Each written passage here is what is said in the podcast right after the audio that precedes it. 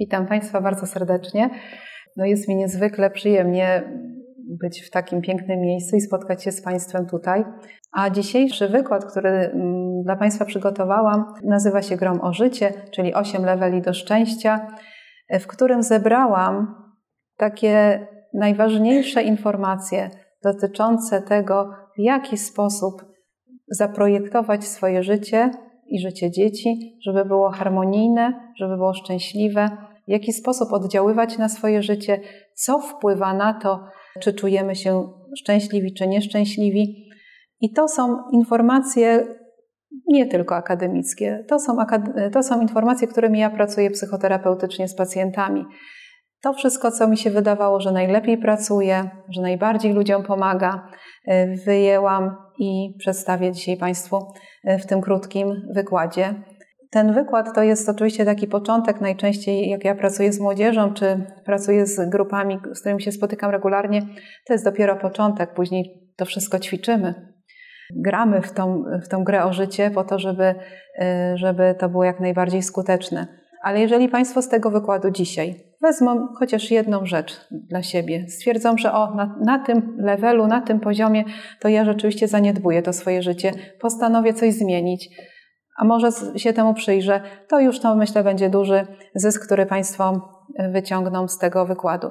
Ja z tym wykładem jeżdżę w różne miejsca, już prowadziłam szkolenia według tego schematu e, dla nauczycieli i dla rodziców, i, i szkole młodzież, i psychologów, pedagogów, i każdy na pewno coś z tego dla siebie bierze, więc zapraszam serdecznie. A później najwyżej, jeżeli Państwo faktycznie się zainspirują, to ja podam na koniec swojego maila i wyślę Państwu taki konspekt, który się nazywa Ściąga z życia. I tam już będzie skrót tego, co dzisiaj opowiem Państwu, plus ćwiczenia do wykonania w życiu ze sobą, z dziećmi, z młodzieżą, ze wszystkimi, tak? Także 8 leveli do szczęścia zapraszam.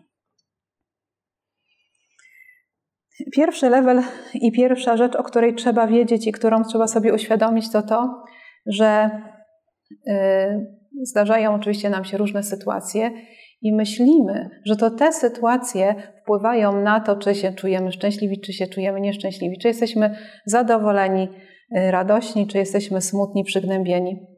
A otóż okazuje się, że jest to błąd. Chociaż oczywiście, dlaczego jesteś smutny, jak się pytamy? No bo wiesz, spóźnił mi się pociąg. Dlaczego jesteś smutny? Dlatego, że zachorowałem.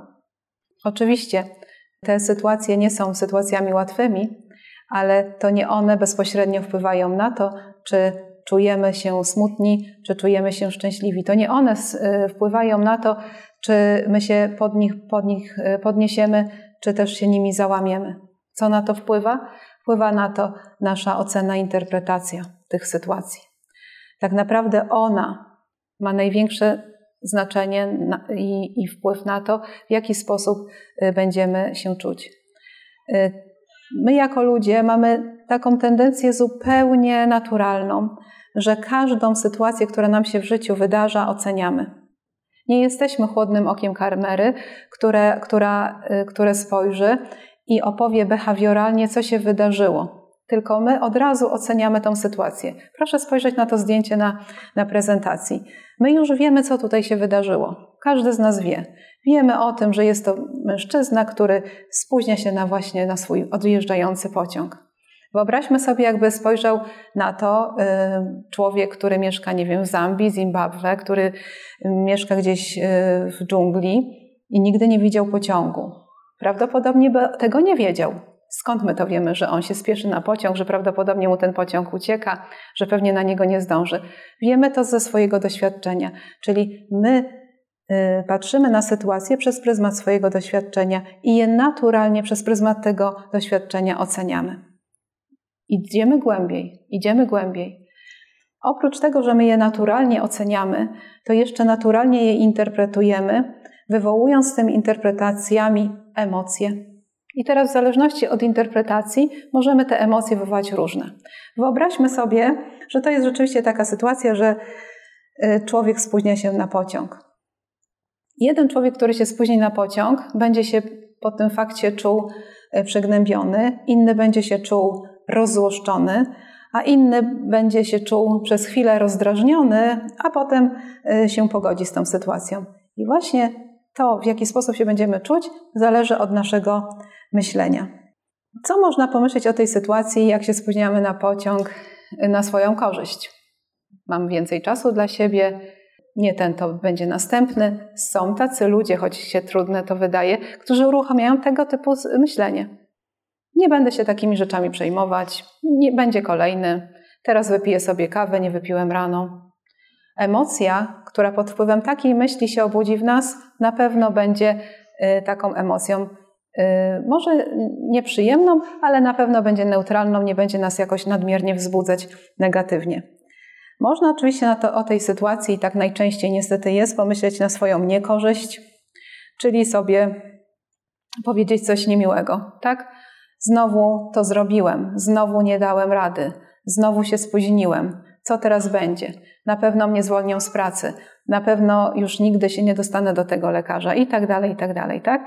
To jest nasza naturalna tendencja, atawistyczna wręcz bym powiedziała, dlatego że rzeczywiście człowiek pierwotny, jak żył w czasach, kiedy nie było cywilizacji, to wszelkie bodźce, które do, do, dochodziły z zewnątrz, musiał interpretować jako bodźce negatywne, bo od tego zależało jego życie. Czyli jeżeli usłyszał szelest, to musiał y, uruchomić reakcję alarmową, bo musiał być przygotowany, że może być to dzikie zwierzę, które właśnie zakrada się do jego jaskini. Nam to zostało w tej chwili, w obecnych czasach, gdzie jest mnóstwo bodźców, są to reakcje i myśli nieadaptacyjne w większości, w większości nieadaptacyjne, ale niestety mamy naturalne, automatyczne myśli, są najczęściej niestety negatywne. Możemy też oczywiście chroniąc własne ja, i własną samoocenę, pomyśleć coś na, na czyjąś niekorzyść i tak i tak emocja będzie y, niezbyt pożądana, bo będzie to złość, ale sobie możemy pomyśleć, tak, no bezczelny ten konduktor przecież mnie widział, tak, mógł zatrzymać ten pociąg, nie zrobił tego. No zawsze jak ja przychodzę na czas na pociąg, to one się spóźniają, a ten jeden raz musiał odjechać punktualnie. Też naturalne myślenie, czyli wiemy o tym już, że to nie sytuacje wpływają na nasze samopoczucie, ale nasza interpretacja tych, tej, tej sytuacji. A skoro to jest nasza interpretacja, to możemy mieć na nią wpływ. I to jest pierwsza rekomendacja z, tej, z tego naszego wykładu. Uczymy nasze dzieci, uczymy naszej dzieci interpretacji, która nie będzie negatywną interpretacją, która będzie interpretacją bardziej pozytywną. Druga sytuacja, idziemy głębiej oczywiście, druga sytuacja oczywiście człowiek z Zimbabwe też by nie wiedział o co tutaj chodzi, ale my wiemy, już wszyscy wiemy na tej sali, że to jest egzamin. I to też jest sytuacja, która by się wydawało, no my sobie myślimy, wszyscy w takiej sytuacji są równo zestresowani i równo załamani. Ale wiecie o tym, jak głębiej sobie o tym pomyślicie, że tak wcale nie jest, że jak zdawaliście swoje egzaminy, to byli tacy ludzie, którzy do egzaminów podchodzili zupełnie na luzie i się w ogóle nimi nie, nie stresowali, nie przejmowali i byli tacy, dla których to była, to była katorga i, i, i nie mogli sobie z tą sytuacją poradzić, łącznie z włączaniem somatycznych jakichś objawów bardzo e, trudnych do, do przezwyciężenia. I właśnie to, co różnicowało tych ludzi, to nie ta sytuacja tylko ich interpretacja tej sytuacji. Tu idziemy troszeczkę, tak jak powiedziałam, głębiej, bo troszeczkę jakby manipulujemy, pomanipulujemy sobie swoją psychiką i tym, co się w środku dzieje. I to jest piękne, że my możemy tak pięknie na to wpływać, tak? Powiemy sobie, chcę w tej sytuacji poczuć smutek i w tym momencie włączymy taką myśl, żeby poczuć smutek. Tak możemy zrobić. Możemy sobie powtarzać, tak? Jak to szkoda, że młodość mija, już uzdaję ten egzamin, teraz się zacznie straszne dorosłe życie. Co ja teraz zrobię? Y, na pewno już nie wiem, pewnie nie będę miała pracy, rozstanę się z tymi ludźmi, pewnie z nimi zupełnie stracę kontakt i generujemy, generujemy oczywiście emocja, smutek przepięknie w nas rozkwita. Możemy też pomyśleć tak, aby poczuć złość na siebie. To też nam bardzo, bardzo łatwo przyjdzie, bo sobie pomyślimy, dlaczego się nie uczyłem, taki byłem głupi, leniwy, teraz będę miał, na pewno nie zdam. Poczujemy złość na siebie wspaniale. Możemy też poczuć dumę, to już będzie trudniejsze na pewno w tej sytuacji, bo generalnie generowanie w sobie pozytywnych uczuć, e, w cudzysłowie pozytywnych, bo emocje nie są ani pozytywne, ani negatywne, ale zgodzimy się, że są przyjemne i nieprzyjemne, więc generowanie tych przyjemnych uczuć to na pewno jest bardzo bardziej trudne, ale nie niemożliwe. Ale możemy w takiej sytuacji również poczuć dumę, sobie pomyśleć: O, proszę, dobrnąłem już w życiu do tego miejsca, piszę ten egzamin najważniejszy, pewnie go zdam, będę z siebie bardzo dumny. Tak, aby poczuć nadzieję. Bardzo wielu moich kolegów tak czuło, jak zdawało maturę i, i mieli rację, i mieli rację. No w końcu większość zdaje. Ja też pewnie zdam. Dam sobie radę. Wzbudzam w sobie myślą nadzieję.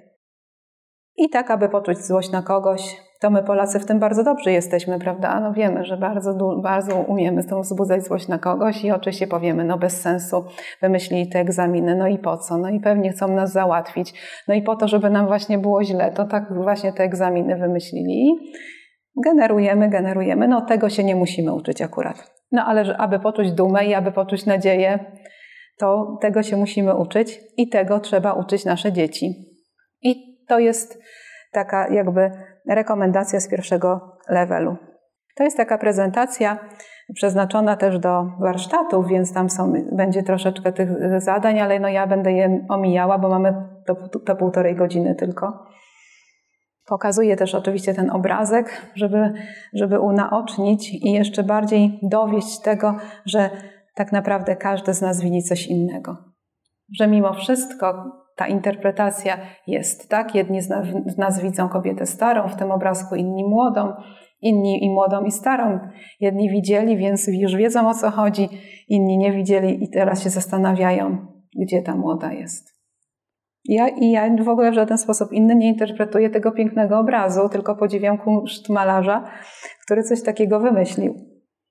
Te strzałki też, które znamy, y, a które nam mówią o tym, że tak naprawdę to, w jaki sposób interpretujemy często sytuację, zależy od kontekstu. Jakbym wróciła do tego pierwszego slajdu z tym pociągiem, to byśmy sobie pomyśleli tak, jakbym się spóźniła na pociąg, który miałby mnie zawieźć do parku, gdzie czeka mój narzeczony i, i mamy mnóstwo czasu dla siebie, to bym sobie pomyślała, no Boże, poczekam na dworcu, on nie zrozumie.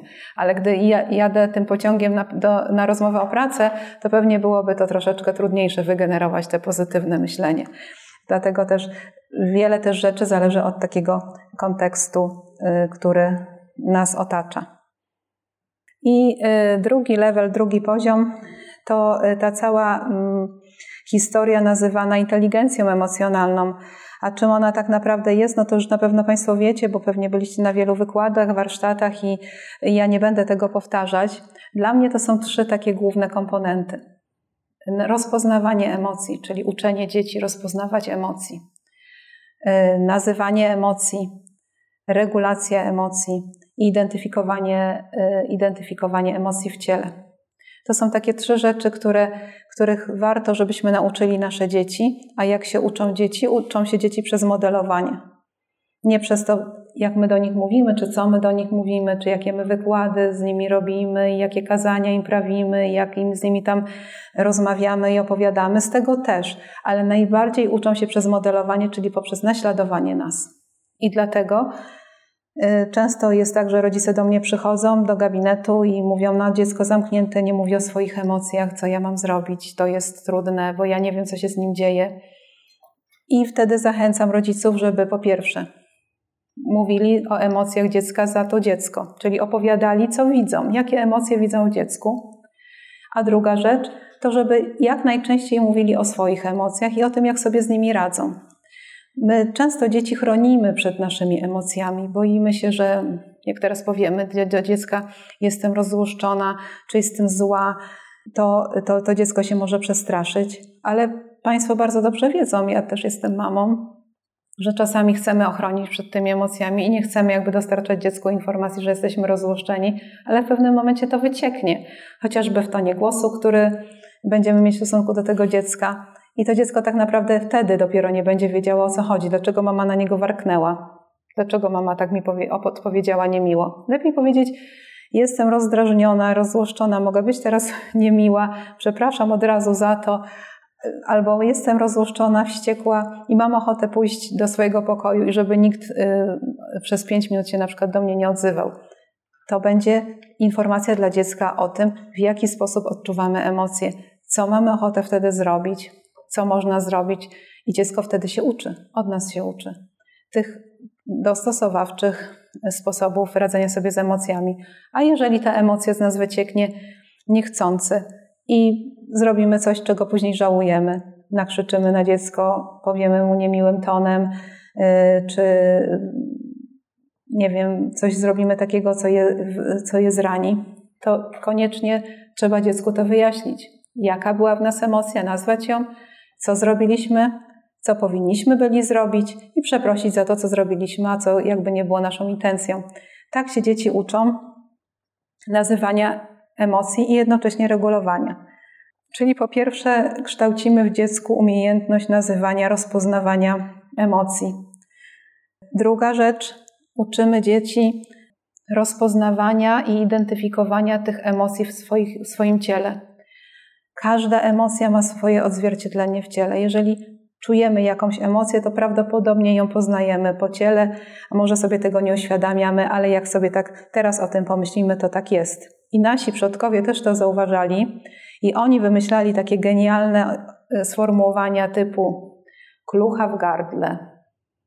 To jest dokładnie nazwanie fizjologicznego odczucia emocjonalnego, jakim jest jakiś strach albo wzruszenie, albo y, jakiś stres, klucha w gardle, węzeł na żołądku, y, motyle w brzuchu. To są wszystko fizjologiczne, fizjologiczne odnośniki emocjonalne.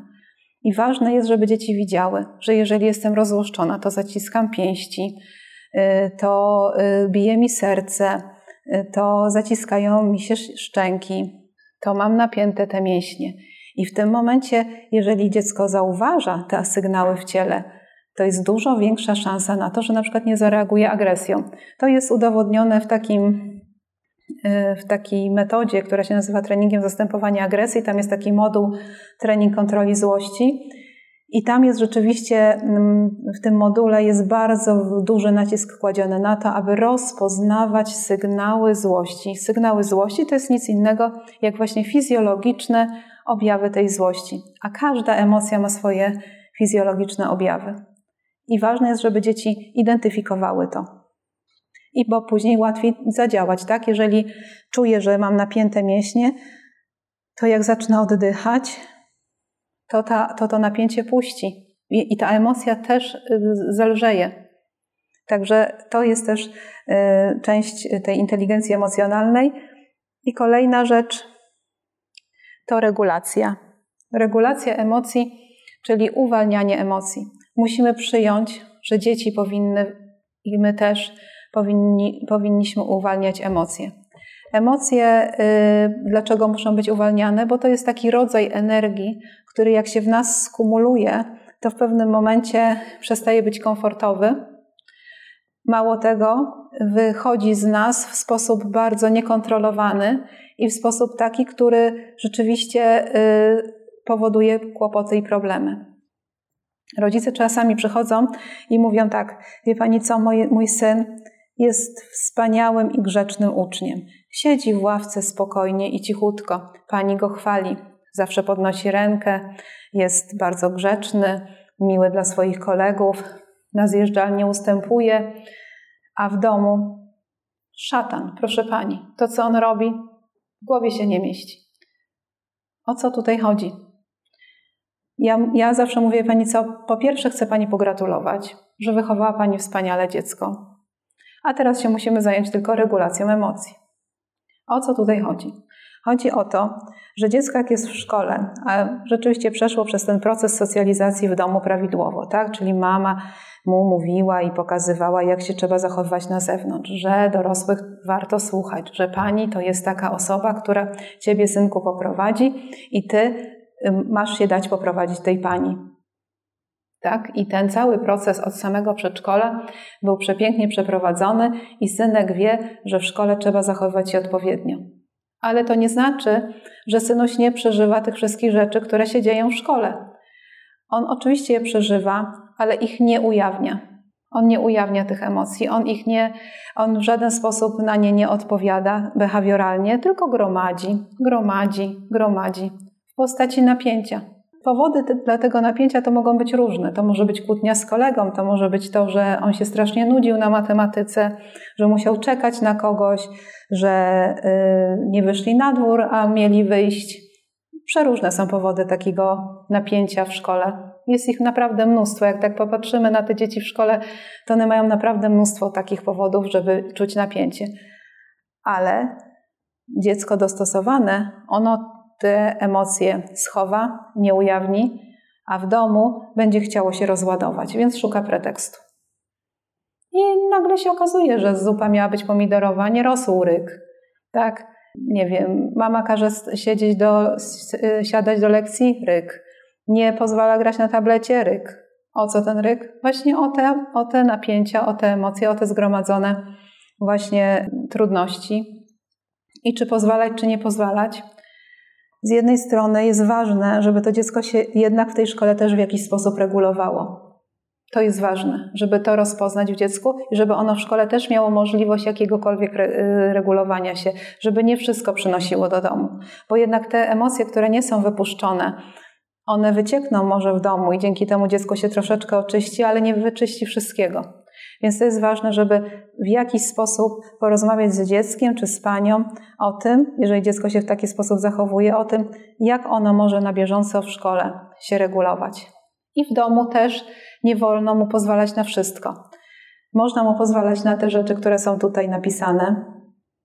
To są przykłady takiej y, prawidłowej, pozytywnej regulacji emocji, wyrzucania z siebie tego napięcia, tak? Bo mówimy wyrzucać emocje, a tak naprawdę wyrzucamy napięcie. Y, to są takie y, dobre, dopuszczalne formy regulowania, przy czym najdoskonalszą z nich jest rozmowa.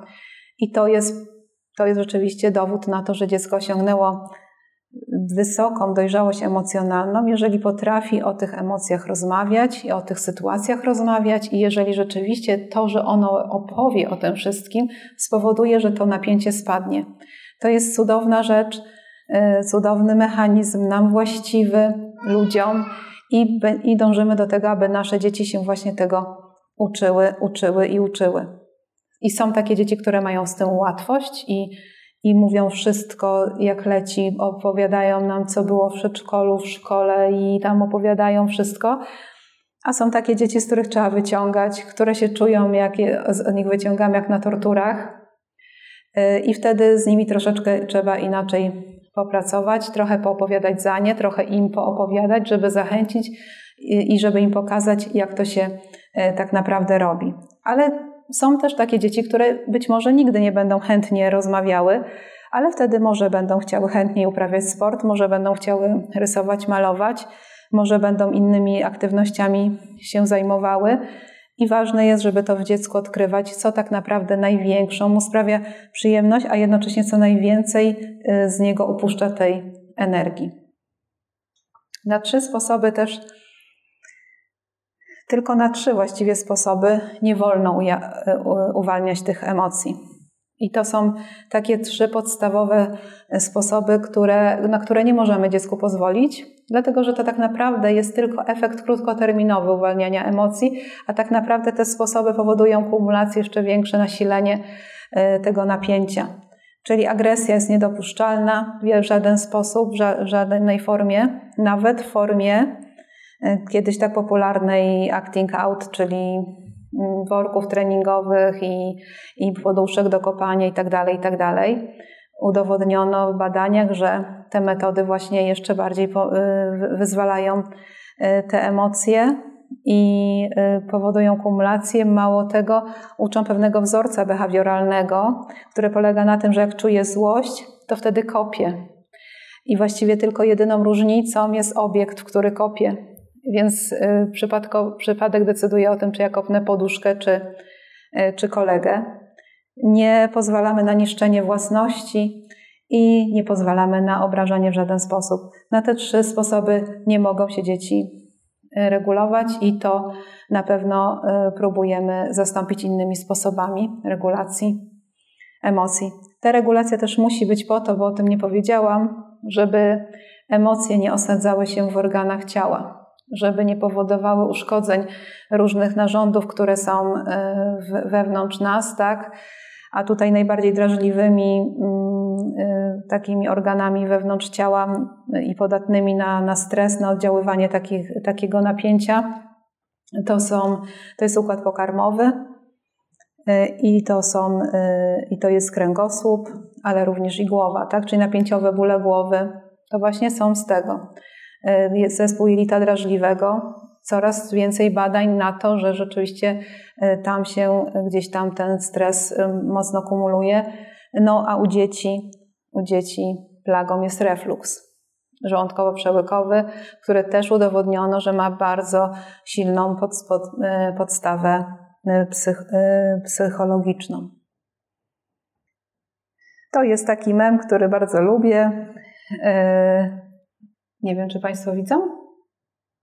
To właśnie jest o tym, w jaki sposób przepięknie swoimi myślami powodujemy, y, że różne rzeczy nam się nie udają, albo swoimi myślami powodujemy, że odczuwamy y, emocje, których nie chcemy odczuwać.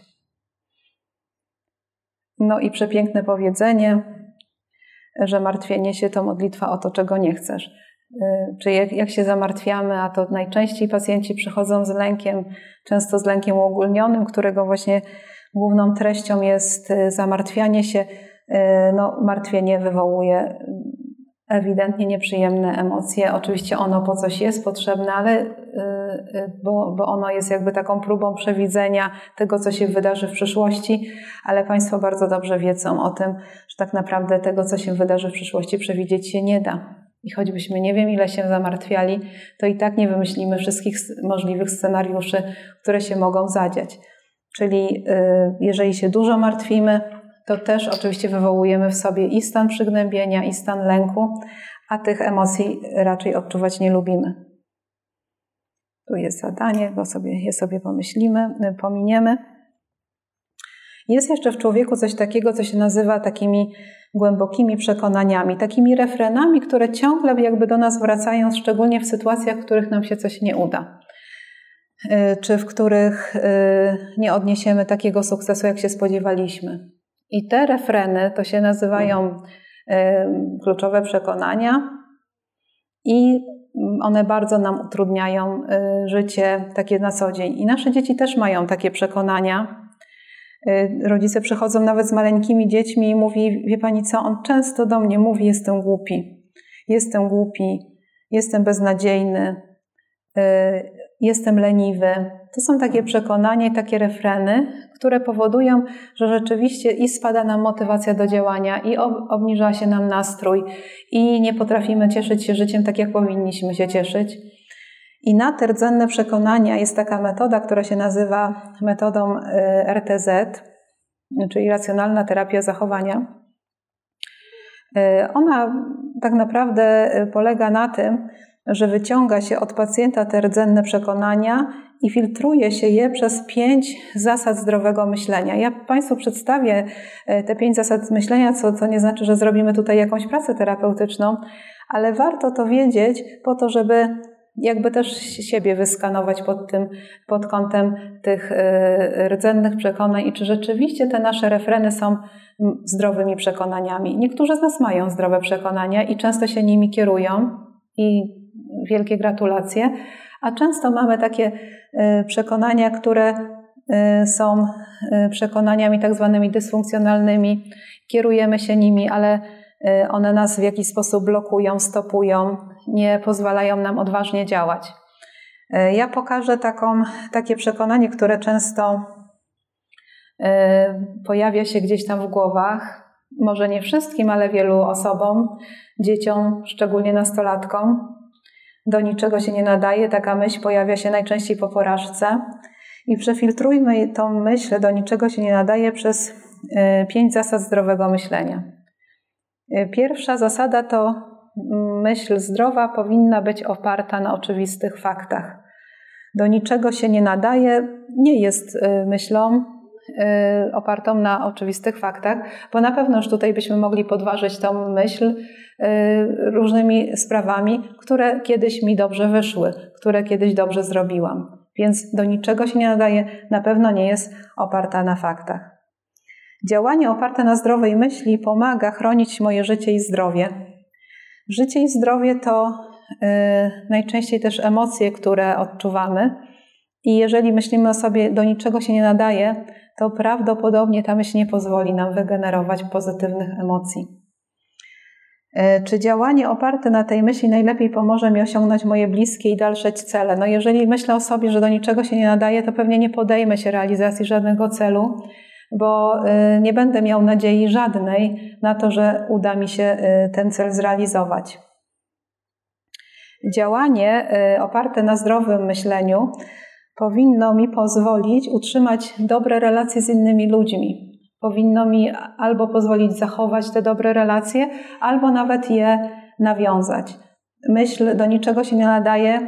Podejrzewam, że będzie powodowała, że będę stronić od ludzi że będę też myślał, że się nie nadaje do tego, aby się z innymi kontaktować, albo będę myślał, że inni też tak pewnie o mnie myślą, no to nie będę chciał z nimi mieć żadnych kontaktów.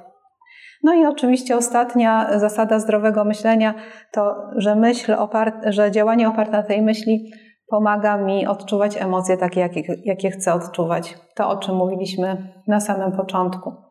I tutaj też oczywiście musimy powiedzieć, że ta myśl na pewno do takich nie należy.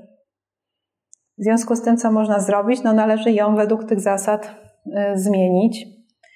I ja y, tutaj y, ją zmieniłam z jednym błędem. Specjalnie ten błąd tutaj zawarłam, bo ona jest funkcjonalna, ta myśl w większości, ale ten pierwszy człon nie jest funkcjonalny, bo on właśnie dotyczy przyszłości. Dam sobie radę.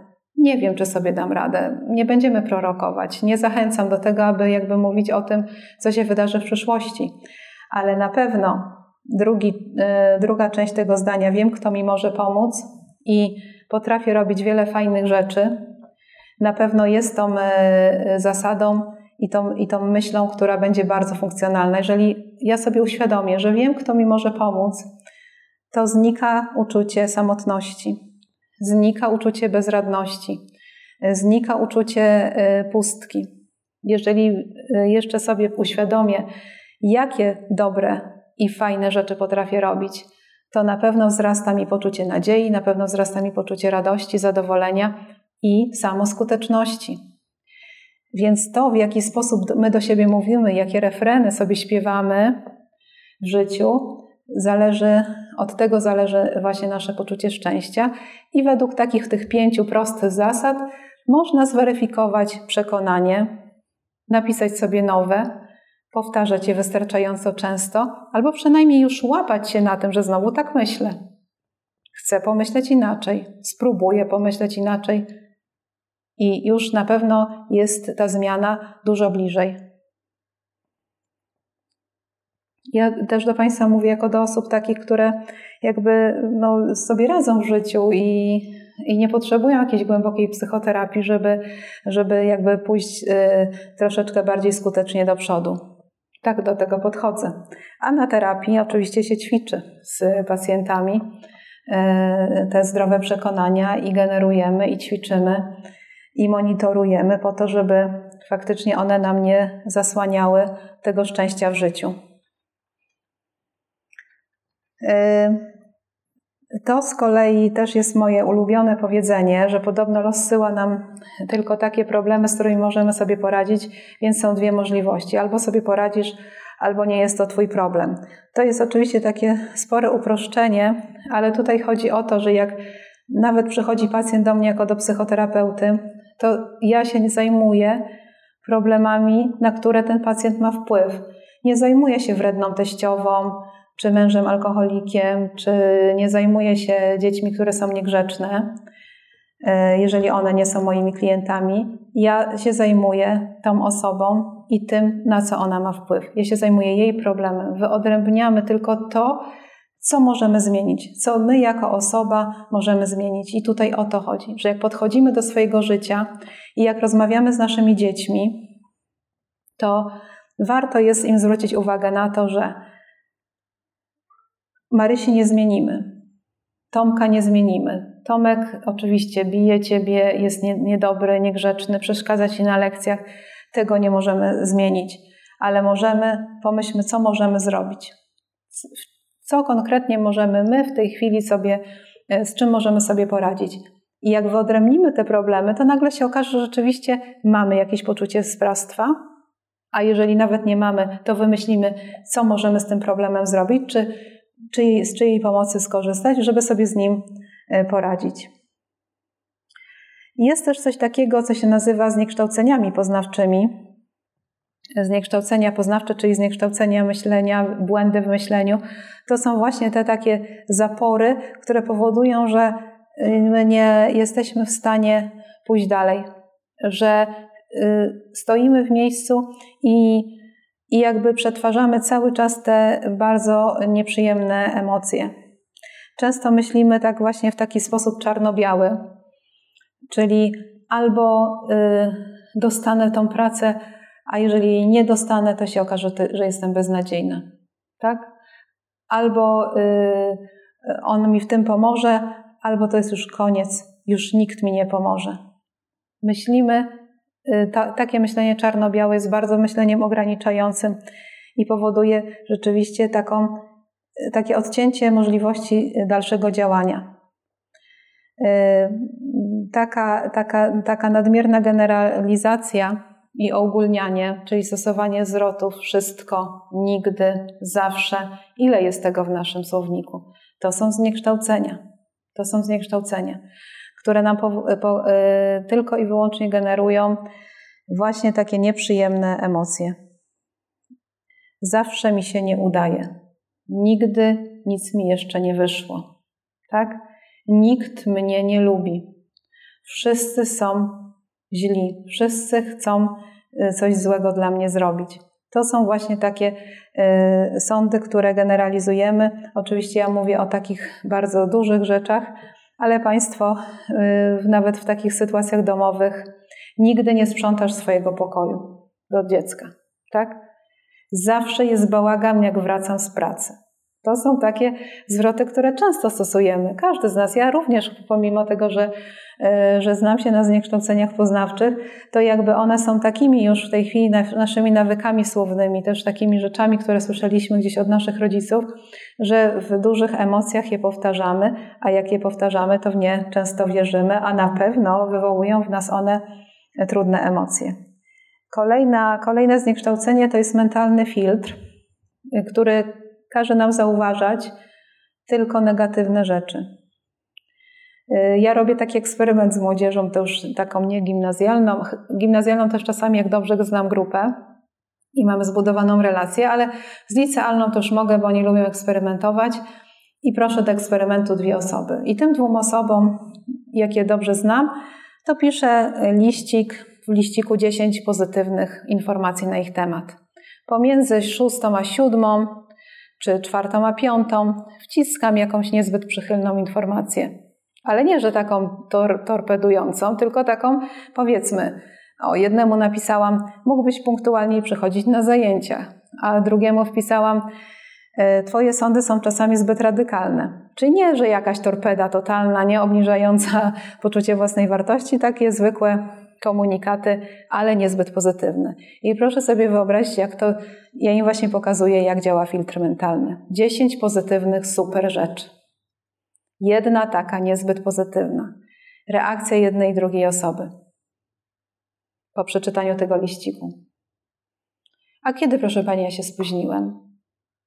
To ta, y, o, której napisałem, że mógłbyś punktualnie przychodzić y, na zajęcia. A druga, a kiedy pani zauważyła, że moje sądy są radykalne? Już taki nie jestem radykalny. Tak? Zaczyna dyskutować. Na co zwrócił uwagę? Filtr mentalny. Na co zwrócił uwagę jedna, jeden chłopak i drugi? Zwrócił uwagę na to właśnie, co było tym, tą negatywną informacją. I my też, jak otrzymamy informację od szefa, no, pani Joanno, piękna ta prezentacja, bogata grafika, ale to niestety coś pani za długo to powiedziała. To tak się trochę zdłużyło ludziom i, i, nie bardzo, ale generalnie bardzo świetny pomysł na tą prezentację. Taka w ogóle ładna ta grafika, ale za długo. No ja oczywiście wychodzę stąd i mówię, jest. Jezu, Jak ja mogłam zrobić coś tak beznadziejnego? No przecież to jest na pewno, to było złe, to było fatalne, już tego nigdy, nigdzie nie pokażę, bo to jest złe. A proszę sobie odwrócić jeszcze tą sytuację, jak my często mówimy do dzieci. Mówimy, no słuchaj, no jesteś świetny z tego WF-u i, i, i z tej plastyki, ale ta matma, no to sobie u ciebie leży, naprawdę, no beznadziejnie, beznadziejnie. Dziecko też będzie słyszało to, że jest beznadziejnie. Mamy filtr mentalny i nic na to nie poradzimy. Warto sobie to uświadomić i jakby jednak mimo wszystko starać się zobiektywizować swoją obserwację. Że to, co nas otacza, to nie tylko ten tramwaj, który przyjechał 10 e, minut za późno, ale jeszcze dzisiaj, w dzisiejszym dniu się wydarzyło fajnych ileś tam 6 czy 7 rzeczy. Warto sobie pod sam koniec dnia na siłę, na początku na siłę, generować i wypisywać te rzeczy, które zauważyliśmy, że były fajne w tym dniu. A nie tylko myśleć przed zaśnięciem o tym, co się niefajnego wydarzyło. A mamy takie tendencje. E, z filtrem mentalnym się mm, oczywiście łączy mm, zniekształcenie, e, pomijanie pozytywów. To, co dobre się nie liczy, liczy się tylko to, co negatywne. Przeskakiwanie do konkluzji to jest kolejna nasza, nasza częsta e, pomyłka poznawcza, czyli na podstawie jednej przesłanki, jednego, jednej danej, wyciągamy ogólny wniosek. No przecież skoro on mijał się ze mną na schodach i mi nie powiedział dzień dobry, no to co to znaczy? No, że jest na mnie obrażony, tak? Albo skoro y, ja dzisiaj nie zrobiłem, y, nie, nie, nie, nie zdążyłam ugotować obiadu moim dzieciom, to znaczy, że co? Że jestem nietroskliwą mamą. Czyli na podstawie jednej przesłanki, jakiejś jednej danej, wyrwanej z kontekstu, wyciągamy ogólny wniosek. Emocjonalne uzasadnienie to też jest bardzo częsty, częste zniekształcenie poznawcze. Ono polega na tym, że y, uważamy, że skoro coś wywołuje w nasze, nasze emocje, jakieś trudne, to znaczy, że jest to y, coś negatywnego. Na przykład, jeżeli ja tak strasznie boję się myszy, to znaczy, że one są groźne, to znaczy, że one są straszne. Jeżeli ja tak bardzo y, nie lubię chodzić na basen, to znaczy, że ten basen jest naprawdę strasznie nudny. Tak? Czyli wyciągamy ogólne wnioski na podstawie naszego, naszego subiektywnego odczucia. Y, kolejna rzecz to katastrofizacja. Katastrofizacja no, też jest y, bardzo częstym naszym, nie tylko narodowym, ale myślę, że takim ogólnoludzką, naszą taką ogólnoludzką tendencją. Polega ona na tym, że zazwyczaj jakiemuś swojemu działaniu przypisujemy najgorsze możliwe skutki.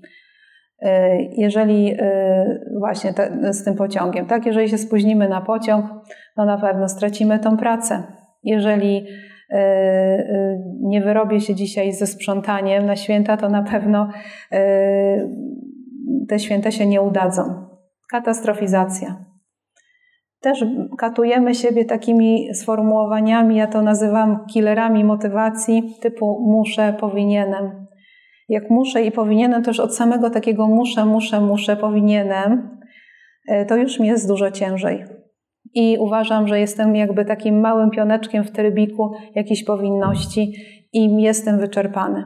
Jeżeli natomiast zamiast muszę, czy powinienem, powiem sobie wybieram, chcę, decyduję się, wtedy mam poczucie dużo większej e, skuteczności, mam poczucie dużo większego wpływu na swoje życie.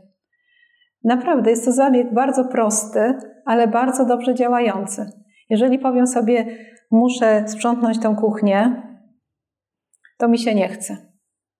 Ale jeżeli powiem sobie, wybieram sprzątanie tej kuchni, bo chcę mieć w niej porządek, to od razu czuję wzrost motywacji.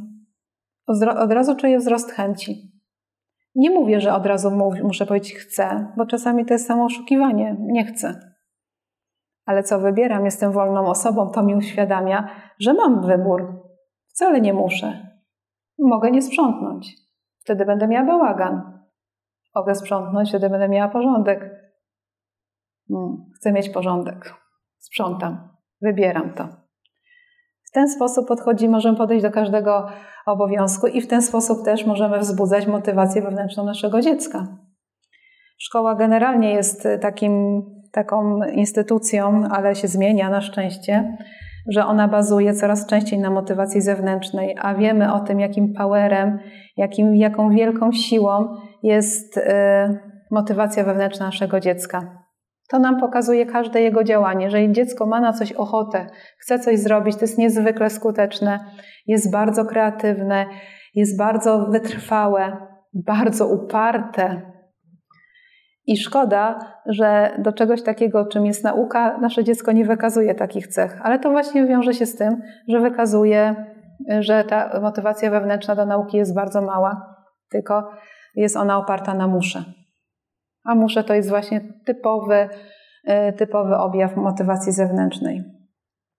I personalizacja. E, kolejne, przedostatnie zniekształcenie polega na tym, że różny, różnym sprawom przypisujemy sobie winę. Tak zachorowała, dziecko jest chore, no co, no źle ją ubrałam, nie zwróciłam wcześniej na to uwagi, za późno poszłam do lekarza. Tak, personalizacja, przepisywanie sobie nadmiernej wininy, obwinianie, yy, obwinianie się. I ostatnie, etykietowanie. Jestem głupia, jestem leniwa, jestem uparta. Teraz mam taką pacjentkę. Jest, ma taką, tak silne przekonanie o tym i tak pokochała to przekonanie, że jest leniwa, że sobie nawet nie wyobraża, że mogłaby coś yy, zrobić innego niż robi dotychczas. No przecież wie pani, że ja tego nie zrobię, bo jestem leniwa. I to jestem leniwa, to etykietowanie y, spowodowało, że ona naprawdę nie podejmowała żadnego działania. I tylko taka psychoedukacja plus y, ćwiczenia związane z, tą, z, tym, z tym etykietowaniem spowodowały, że ona na przykład miała takie zadanie domowe, że mogła nie robić żadnych rzeczy, których nie chciała, ale nie mogła mówić o sobie, że jest leniwa. I od razu jakby ten tydzień był dużo bardziej skuteczny. Dużo więcej rzeczy zrobiła, posprzątała spokój, którym nie sprzątała od dwóch miesięcy.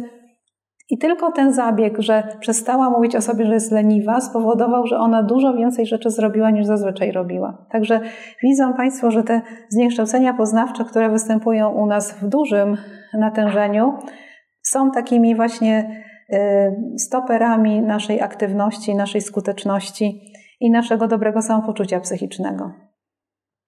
Ten cykl się pokazuje, to co tutaj Państwo widzą, go się pokazuje pacjentom w depresji, żeby zobaczyli w jaki sposób ich, e, e, w jaki sposób ich myśli wpływają na uczucia i potem jak te uczucia wpływają z kolei na zachowanie. Jeżeli mamy ten cykl dysfunkcjonalny, to niekoniecznie musi być w depresji, to może być w jakimkolwiek innym, w innej trudności, która nam towarzyszy.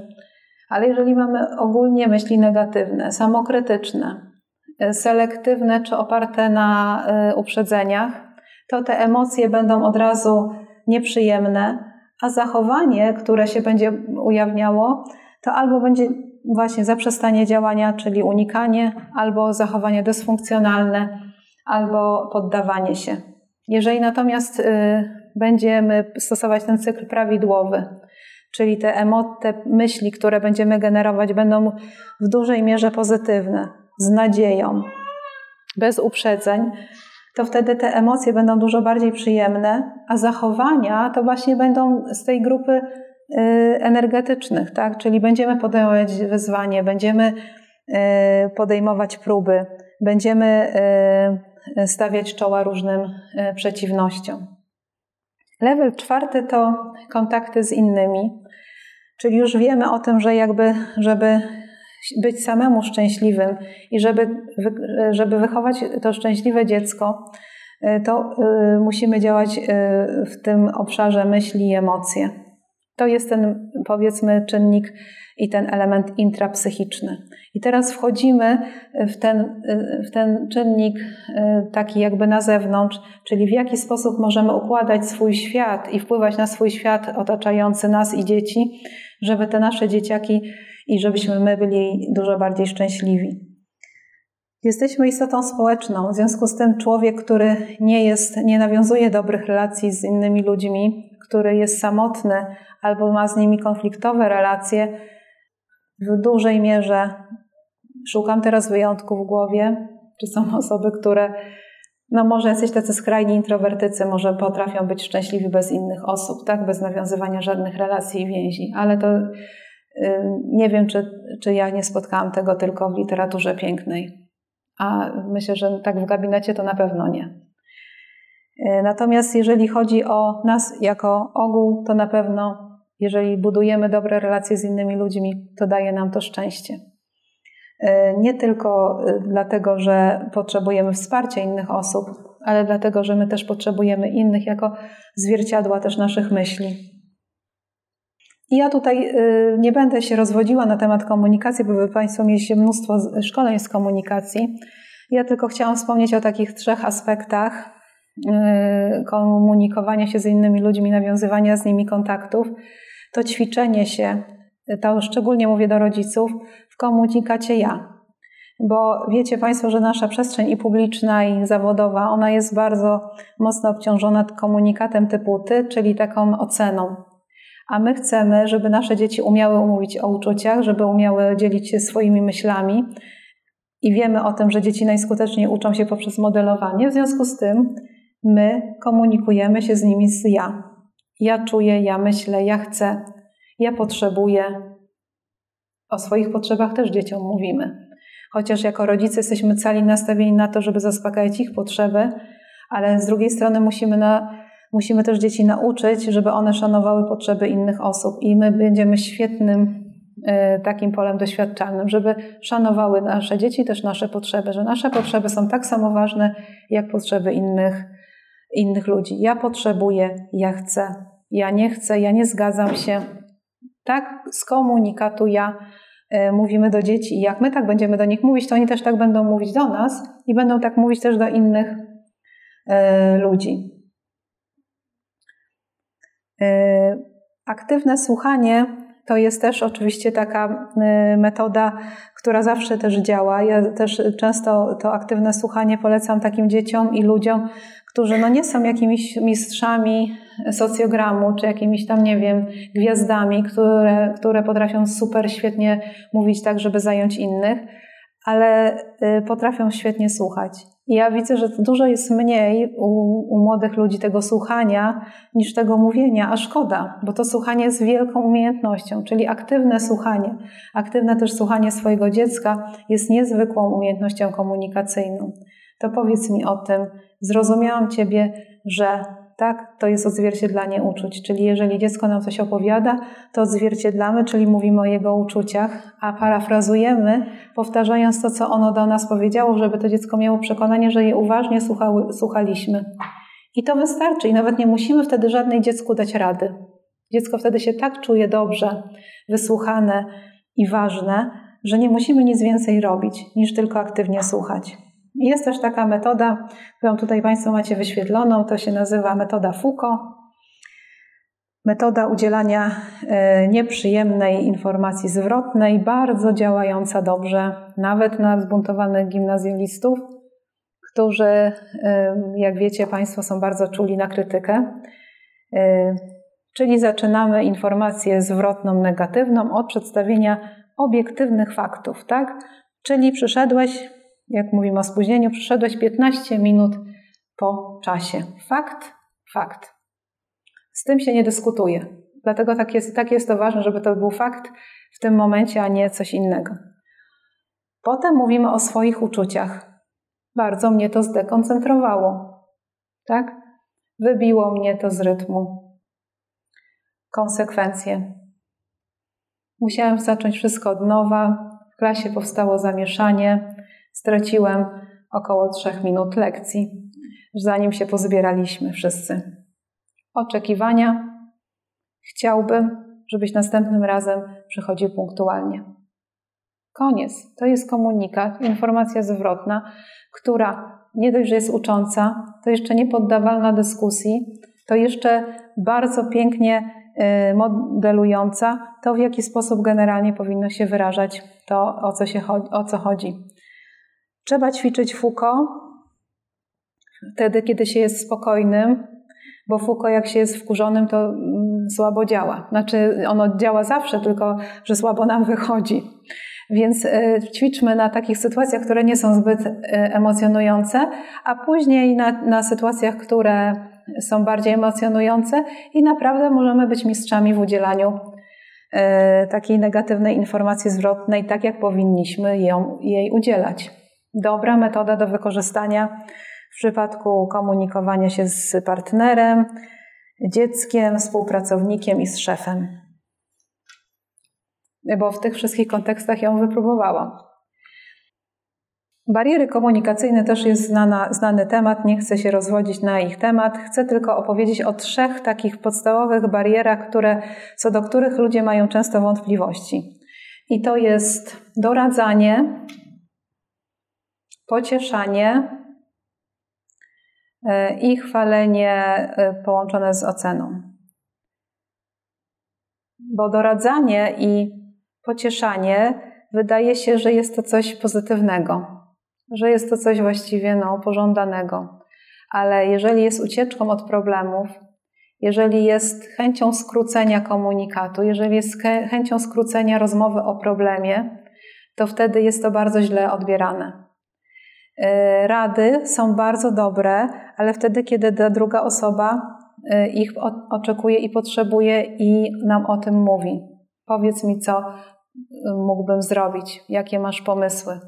Ale wtedy, kiedy rada jest po to rzucona, żeby uciąć temat, żeby zająć się już jakimś innym tematem, to wtedy ta druga osoba odbiera to jako unieważnienie, jako unieważnienie jej osoby, jej problemu. No często jest tak, że dziecko nam mówi, no wiesz, ten Tomek to mi znowu, yy, nie wiem, znowu mnie yy, rzucił na ścianę. No i my mówimy, no nie, no wiesz co, idź do pani. Albo wiesz co, powinniśmy zadzwonić do pani. I koniec tematu. Tak? Czy jeżeli rada jest po to, żeby uciąć temat, jest barierą komunikacyjną. Jeżeli jest, rada jest po to, żeby rzeczywiście rozwiązać problem, to wtedy oczywiście jest jak najbardziej po, pożądana. Taką samą funkcję może pełnić takie pocieszy, pocieszanie. No co się przejmujesz? No nie martw się już, głowa do góry, będzie dobrze. Znane zwroty? Bardzo często y, są one pozytywnie odbierane, ale też często są odbierane jako takie właśnie zbagatelizowanie mojego problemu, jako takie uciekanie od problemu, jako taką chęć powiedzenia czegoś po to, żebyśmy już się więcej nie zajmowali tym problemem. No i chwalenie połączone z oceną to już dzisiaj zademonstrowałam, tak, mówiąc o tej mojej prezentacji. Y, jeżeli chwalimy kogoś i łączymy to razem z oceną, to nie spodziewajmy się, że ta pochwała zostanie e, wysłyszana. Ona nie zostanie wysłyszana, tylko zostanie wysłyszana ocena. Więc jeżeli chcemy dziecko pochwalić, to pochwalmy. A jeżeli chcemy dziecko skrytykować, to skrytykujmy, ale nie, nie, nie sklejajmy tego razem, bo osłabimy moc pochwały. A moc pochwały jest bardzo duża, bo tak naprawdę to sukcesy motywują, a nie porażki. Porażki motywują niewielu i tylko niektóre porażki motywują, większość porażek nie motywuje. To sukcesy motywują i dlatego warto nie osłabiać funkcji pochwały tą dodatkową oceną. Ona nie jest w tym momencie często potrzebna.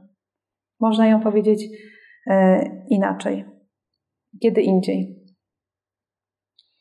I też jak mówimy o komunikacji, to mówimy o czymś takim, E, co się nazywa siecią wsparcia społecznego. Warto ją sobie uświadomić, a szczególnie w takim właśnie okresie przedświątecznym y, ją sobie może jakoś odnowić, odbudować, uświadomić sobie, że jesteśmy otoczeni fajnymi ludźmi, albo że możemy być nimi otoczeni, jeżeli odnowimy kontakty pewne, które gdzieś zaniedbaliśmy w toku pędu życiowego, czy jakiegoś takiego właśnie, nie wiem, chaosu, y, które przez ten pośpiech gdzieś tam się pojawił w naszym życiu. E, mówi się, że to e, ta grupa wsparcia społecznego to minimum jedna osoba. W przypadku nastolatków musi być to jedna osoba w jego wieku. Mniej więcej, tak plus minus dwa lata. E, ona tworzy, ona zaspokaja coś takiego, co się nazywa potrzebą przynależności i rzeczywiście jest to bardzo dominująca potrzeba w okresie dorastania. Ważne jest, żeby właśnie zadbać o to, aby nasze dzieci tworzyły te grupy wsparcia społecznego My teraz jesteśmy w takich trochę dziwnych czasach, które, gdzie, gdzie część z nas wozi te dzieci do szkoły. Nie chodzą często do szkół rejonowych, gdzie się dowozimy do jakichś innych szkół, więc nie, nie, nie budują te dzieci takiego Y, wsparcia społecznego w postaci grupy rówieśniczej na podwórku, gdzieś właśnie blisko domu. Nie mieszkamy na osiedlach zamkniętych, domkach jednorodzinnych. Często tak jest, że jakby grupa, która kiedyś była dla nas na przykład grupą wsparcia, bo to była grupa podwórkowa, gdzieś z osiedla, w tej chwili my, nasze dzieci takiej grupy nie mają, ale to nie znaczy, że mają być uboższe. One oczywiście mają swoją grupę wsparcia w szkole, mogą mieć grupę wsparcia na tych wszystkich wspaniałych zajęciach, na które Państwo je, je wozicie. A im bardziej widzicie, że dziecko ma problemy z relacjami, na przykład w klasie czy w szkole, to trzeba koniecznie zadbać o to, aby miało gdzieś jakąś alternatywną grupę społeczną. Czyli jeżeli w klasie mu się nie udaje i tam się czuje samotny, to zadbajmy o to, żeby go gdzieś zapisać do harcerstwa, na jakieś zajęcia dodatkowe, na jakiś sport, tam gdzie po prostu są dzieci i gdzie może, gdzie może kogoś poznać. To jest niezwykle, niezwykle ważne. No teraz sobie oczywiście dzieci tworzą te grupy wsparcia społecznego w internecie.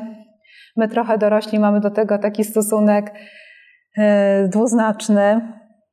Ja y, się rozwijam i, i, i, staram się nie myśleć jakby stereotypowo, tylko widzieć, że to jest jakby ich świat. I widzę, że wielu pacjentom może niewielu, ale paru pacjentów na pewno takie znajomości y, z kolegą na Steamie trochę można by było powiedzieć uratowało życie.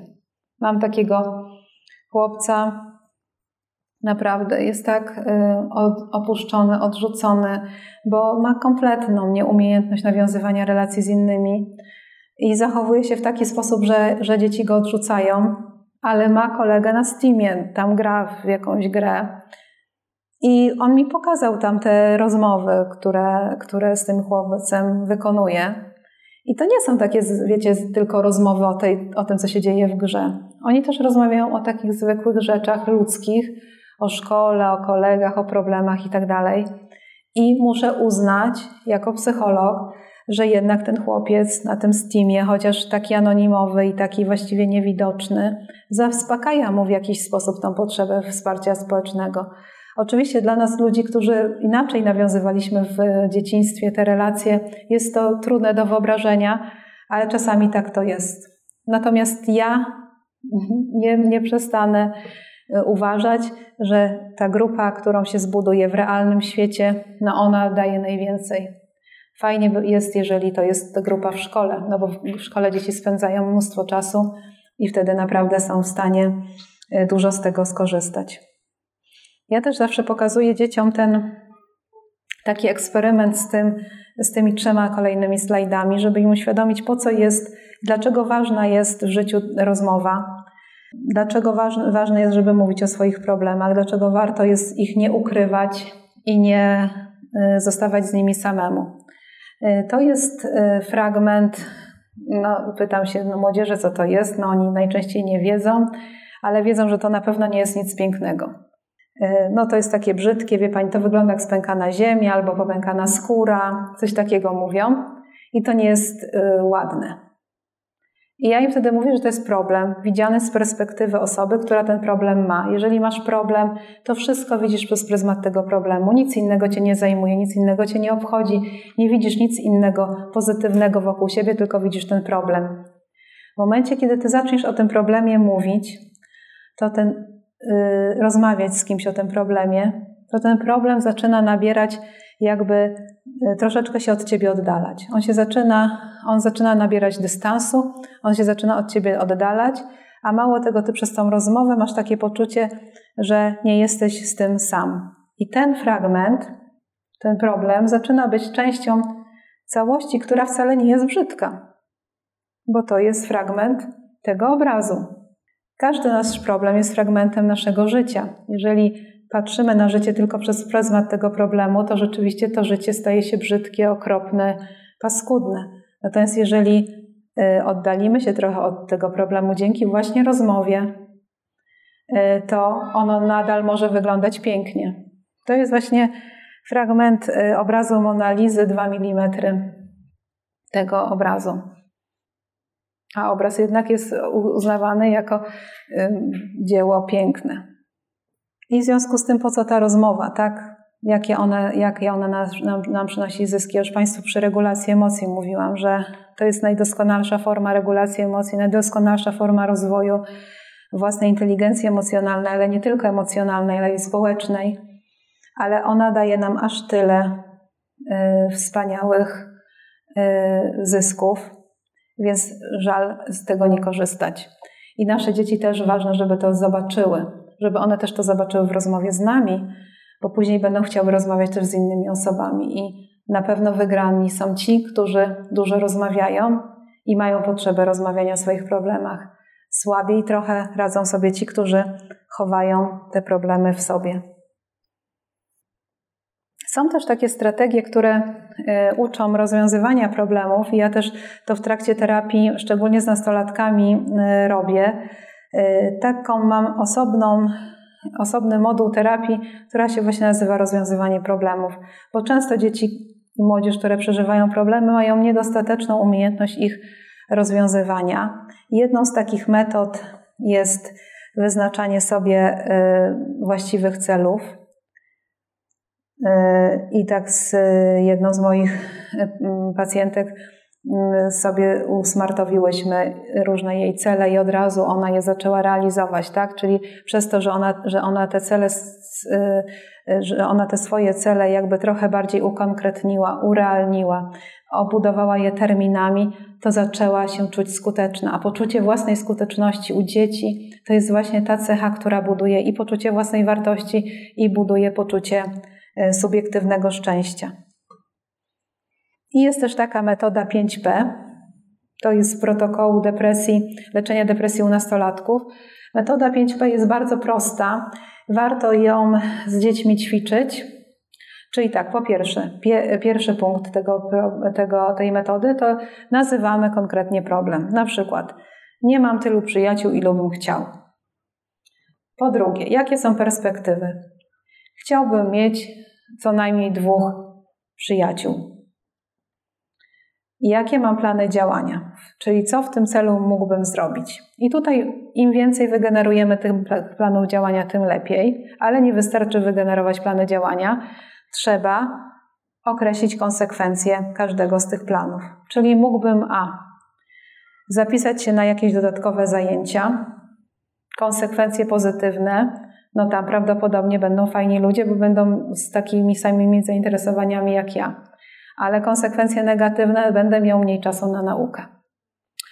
Mógłbym poznać kogoś przez internet.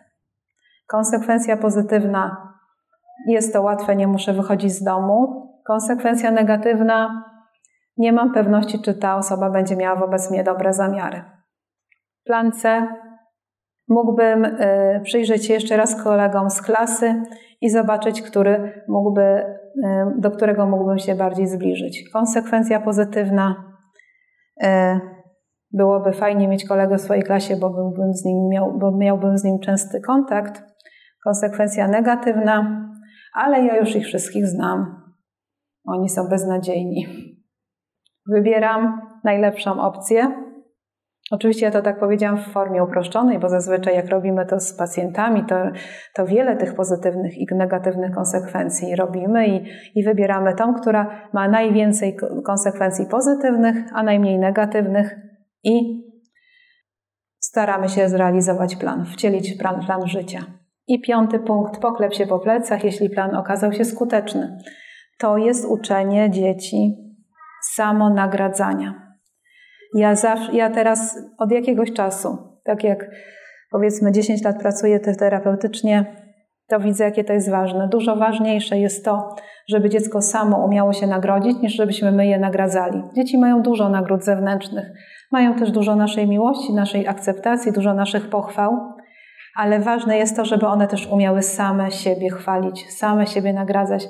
To jest niezwykle ważna umiejętność w kontekście terapeutycznym niezbędna. Naprawdę, jeżeli dziecko nie umie się samo nagradzać, na przykład dziecko z lękiem przychodzi do mnie i musi robić ekspozycję in vivo y, bardzo dla niego trudne, to jeżeli ono nie umie się samo nagradzać i być dumne z tego, że osiągnęło że kiedyś się czegoś bała, a teraz już się nie boi, to jest dużo trudniej z nim pracować. Dlatego ta umiejętność samonagradzania no jest taka kluczowa. Zamiast powiedzieć dziecku, jestem z ciebie dumna, to powiedzieć, pewnie musisz być z siebie zadowolony. Tak, jesteś z siebie zadowolony, to dobrze. Możesz być z siebie dumny, możesz być z siebie zadowolony. To uczy dziecko takiego jakby odwrócenia, że on w sobie sam szuka źródeł nagrody. Fajnie, bo wtedy jest niezależny i jest, potrafi samo o sobie stanowić, jest wewnątrz sterowne. I to jest też taki nasz cel rodzicielski, żeby, żeby się chwalić. Miałam taką pacjentkę, fajną taką dziewczynkę, bardzo zależną od mamy. I wszystko robiła, ale po każdym swoim działaniu się pytała: Jesteś ze mnie dumna? Jesteś ze mnie dumna? I prze, przekułyśmy to z tą mamą, na to, żeby e, e, ta, ta mama się pytała: A ty jesteś zadowolona? Dlaczego jesteś zadowolona? Dlaczego warto z czegoś takiego być zadowolonym? I tak, tak ta mama z tą dziewczynką e, rozmawiała, oczywiście nie zabierając jej swojej akceptacji, ale zupełnie inaczej. To dziecko się podniosło. To dziecko nagle stało się bardziej śmiałe, otwarte, bo widziało, że ono samo dla siebie potrafi być źródłem tej nagrody. I siódmy, przedostatni level, to jest to, to też, co dzisiaj będziecie Państwo robić. Mam nadzieję, że będziecie śpiewać. Dzisiaj z dziećmi będziecie właśnie robić coś, co lubicie, bo kolejna rzecz, która stanowi o tym szczęściu w życiu i o tym, żeby człowiek czuł, że to jego życie jest pełne i, i takie y, dobre, to jest właśnie znalezienie własnej pasji i robienie różnych przyjemnościowych aktywności. Jak ja czasami z pacjentami rysuję takie koło życia i mm, przychodzą do mnie osoby i pokazują im, jak te koło życia wygląda, jak na przykład ich przeciętny dzień wygląda, to tam czasami w ciągu tego dnia nie ma ani jednej przyjemnościowej aktywności. Jest praca, potem robienie czegoś w domu, yy, odrabianie z dziećmi lekcji, potem sprzątanie domu, potem potem e, e, nie wiem, gotowanie obiadu na drugi dzień i pójście spać. I właśnie można było pójście spać, to jest przyjemna aktywność jedyna czasami dla nas. Ważne jest, żeby jakby zweryfikować to koło życia i włączyć w każdy dzień coś przyjemnego, coś, co będzie tylko dla nas, co będzie nas ładowało, co będzie naszą przyjemną aktywnością. Może być to zaplanowanie podróży, może być to znajdowanie nowego przepisu w książce kucharskiej i nawet planowanie, że to zrobię w sobotę, ale niech to coś będzie takiego, co jest tylko moje i co, co ja lubię. Już nie mówiąc o tym, że powinna być ta aktywność fizyczna, która wy, y, wy, wyzwala i wy, wydobywa z nas endorfiny i taką energię życiową. Ale podobnie jest z dziećmi. Dzieci też y, powinny odkryć swoją pasję i y, myślę, że dobrym takim materiałem do odkrywania własnych pasji y, jest ta koncepcja ter, y, inteligencji wielorakich Gardnera, gdzie Gardner uważa, że człowiek ma różne zdolności i możliwości i one się nazywają inteligencjami. To jest w ogóle bardzo odkrywcze, jak dzieci, na przykład ja to pokazuję dzieciom, gimnazjalistom czy młodszym dzieciom, to, to one są zdziwione. To jak, to jestem inteligentny, chociaż, mogę, chociaż mam dwoje z matmy, to jestem inteligentny, myśli pani?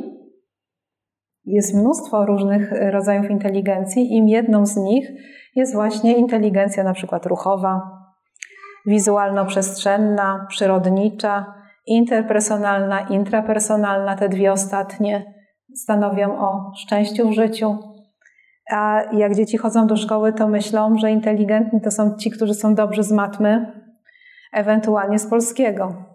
A wszyscy inni, którzy są dobrzy na przykład z plastyki, no to oni się tak za bardzo nie liczą. To jest przykre, bo wiemy o tym, jak to potem w życiu jest. W życiu tak naprawdę potem się liczy co? Że, czy umiem nawiązywać dobre relacje z innymi ludźmi, y, czy y, dobrze czy potrafię uświadamiać sobie własne emocje i aktywnie działać tak, aby, aby te emocje przeżywać coraz bardziej pozytywne. I to, jest, i to stanowi o, o, o tak naprawdę szczęściu w życiu, a nie o to, czy byłem dobry z matematyki. To jest tylko jedna z części inteligencji. I słowna też oczywiście jest w szkole ceniona, bo to są języki obce, to jest język polski. Jeżeli ktoś ma inteligencję słowną, werbalną, no to on też najczęściej jest bardzo dobrym uczniem, e, bo on e, zapamiętuje słuchowo, on wynosi bardzo dużo z lekcji, on się świetnie posługuje słowem, a właściwie szkoła to, to słowo. Ale ja bym się chciała skupić na tych innych, tak? Czyli o inteligencja wizualna przestrzenna. To są te wszystkie dzieci, które posługują się obrazem, które są bardzo wyczulone na obraz, na przestrzeń, na estetykę. To są dzieci inteligentne emocjonalnie. A z inteligencją jest tak, że pasją naszą jest zazwyczaj to, w czym jesteśmy dobrzy. Rzadko kiedy ktoś ma pasję taką, w czym mu nie wychodzi, tak? Czyli na przykład, jeżeli ja nie mam w ogóle inteligencji e, ruchowej, bo nie mam, no to raczej moją pasją nie będzie żaden sport i nie jest. No oczywiście go uprawiam dla zdrowia i się trochę do tego zmuszam, albo tylko robię to, co, w czym naprawdę jestem kompetentna, czyli na przykład pływam. To akurat jestem dobra w tym, więc, więc rzeczywiście lubię to robić. Czyli lubimy robić to, w czym jesteśmy dobrzy i nasze dzieci też tak samo mają. Czyli jeżeli lubią rysować, to prawdopodobnie y, lubią rysować dzieci te, które, którym bardzo często to rysowanie wychodzi i które mają właśnie taką i wyobraźnię przestrzenną, i, po, i mają sprawność grafomotoryczną, i sprawność manualną. To są prawdopodobnie te dzieci, które odnajdują swoją pasję w, z powodu własnej inteligencji wizualno-przestrzennej. Inteligencja fizyczno-kinestetyczna to są te wszystkie dzieci, które się natychmiast uczą jeździć na nartach, natychmiast przyswajają jakieś sekwencje ruchu, ruchów podczas tańca. E, I to są właśnie dzieci, które są inteligentne na sposób ruchowy. I ja na przykład taką inteligencję cenię, bo sama jej nie mam. Nie, umiem, nie umiałam nigdy na aerobiku powtórzyć tych sekwencji, to tam ta pani pokazywała je przełożyć na. Jak mi pan instruktor na nartach uczył na nartach, to no to jak on mi coś tam mówił, no to tam prawa, lewa noga coś, noga do tyłu, noga coś, to ja w ogóle nie umiałam tego powtórzyć, przełożyć sobie na, na, na ruch. A, a na przykład mój syn po pierwszej instrukcji już wiedział, co trzeba zrobić, nie? Także to jest dla mnie też dowód na to, że jest to jednak y, inteligencja i to naprawdę spora. Inteligencja muzyczna. To są, to są wszystko, to są ci ludzie, którzy są wyczuleni na dźwięki, na, na muzykę, y, na taniec, na śpiew, granie na instrumentach. Zresztą się mówi nawet teraz ostatnio bardzo popularne jest taki, takie badania, które pokazują, że inteligencja muzyczna jest bardzo bliska inteligencji matematycznej dzieci które grają na instrumentach, y, bardzo często są świetne z matematyki, że jakby te, dwa, te dwie y, inteligencje bardzo o siebie haczą, jakby w mózgu mają bardzo podobne, bardzo blisko siebie ośrodki. Przyrodnicza to są wszystko te dzieciaki ciekawe świata, poszukujące, eksperymentujące, obserwujące.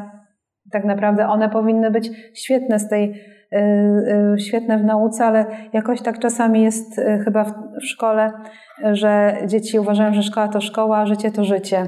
Tak, że ta mrówka, o której się uczą na biologii, to jakaś taka bardziej nudna jest niż ta, którą widzą na tym trawniku i, i to jest przykre.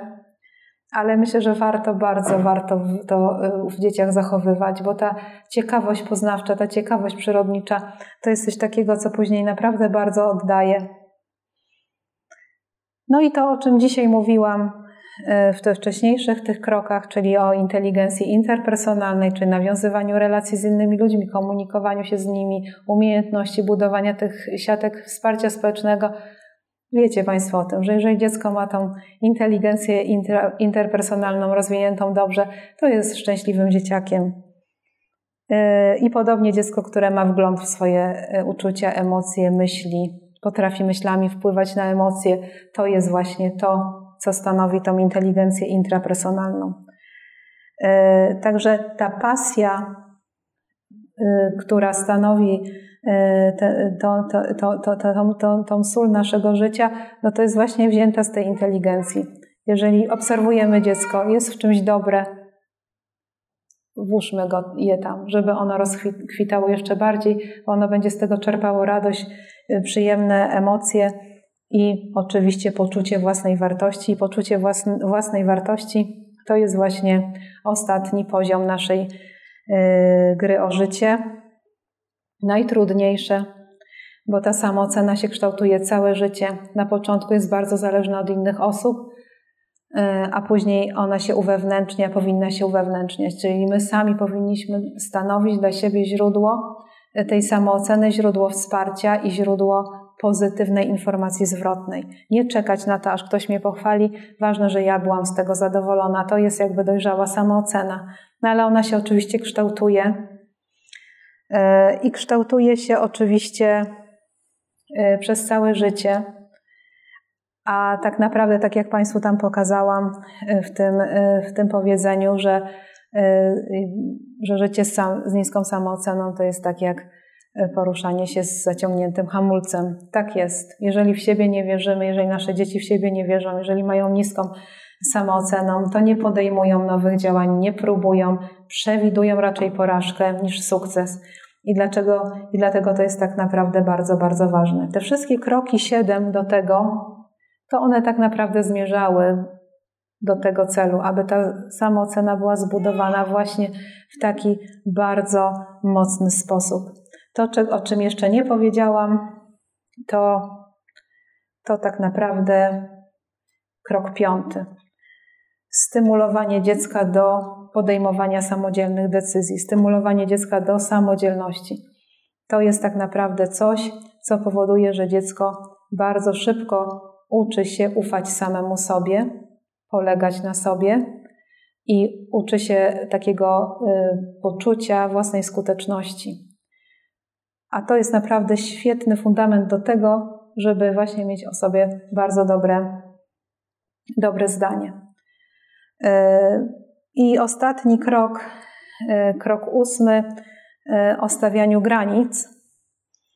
To, że nauczymy dziecko stawiania granic, bo my mu postawimy granice, to mamy wtedy pewność, że dziecko też będzie umiało komuś postawić te granice. Dzieci, które nie mają granic, nie umieją tych granic też stawiać, a jak nie umieją stawiać tych granic, to inni w te granice wchodzą i niszczą to, co myśmy zbudowali, czy próbowaliśmy zbudować własnym zachowaniem. Także te granice później, które my postawimy, one potem do nas dobrze wracają w tym, że dzieci też potrafią e, stawiać granice, a w granicach dobrze się czują. Ale o granicach to ja mam osobny wykład, więc już to o tych granicach nie będę Państwu opowiadała. E, czas nas dobiega końca. Bardzo Państwu dziękuję za uwagę. Jeżeli udało mi się Państwa do czegokolwiek zainspirować, o czymś pomyśleć, nad czym się zastanowić, to właśnie to był ten sukces. Dziękuję bardzo. Do widzenia.